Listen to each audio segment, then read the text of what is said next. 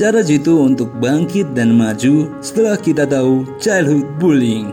Terus bagaimana ya perasaan si korban? Dan bagaimana sudut pandang dari si pembuli?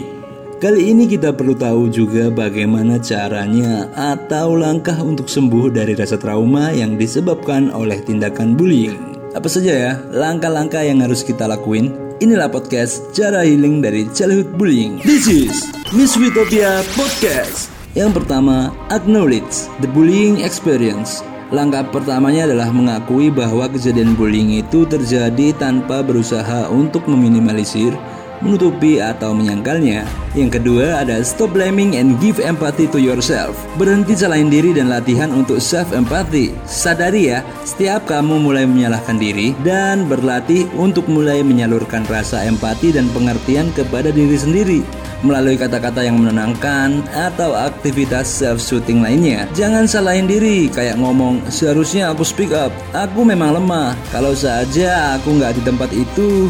Jangan pernah ya, Mending kalian berempati sama diri kalian sendiri Kayak ngomong aku itu berhak merasa sedih, marah, atau terluka Bullying itu nggak adil Bullying itu anjing Terus yang ketiga ada identify your growth and keep on growing. Sadari pertumbuhan dan terus mengembangkan diri. Kejadian bullying yang terjadi di masa kecil sering membuat kita terjebak dalam child mode.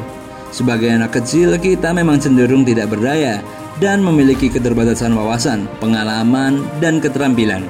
Sadari juga perubahan apa saja yang ada di masa dewasa ini dan gunakan perkembangan diri untuk proses healingmu. Next, yang keempat ada open up and get support from. Share pengalaman ke sosok yang kamu percaya dan dapat mendukungmu. Ada teman, ada keluarga, atau pasangan yang kamu percayai dan dapat memahami dan mendukung proses bullying recoverymu. Lalu ada bantuan profesional dari seorang psikolog atau psikiater yang bisa membimbingmu via konseling atau terapi khusus untuk pemulihan bullying. Kemudian ada komunitas offline maupun online yang memiliki pengalaman atau karakteristik serupa yang dapat membuatmu merasa diterima dan gak sendirian. Dan yang terakhir, give back and inspire. Gunakan pengalaman untuk membantumu dan menginspirasi sekitarmu.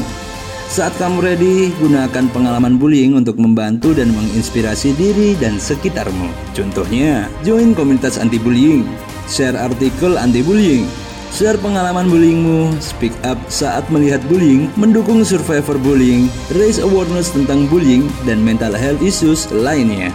Itulah 5 langkah healing dari childhood bullying. Jadi, apakah Miss Sweet sudah ready? Ayo, mulai buat recover dari childhood bullying.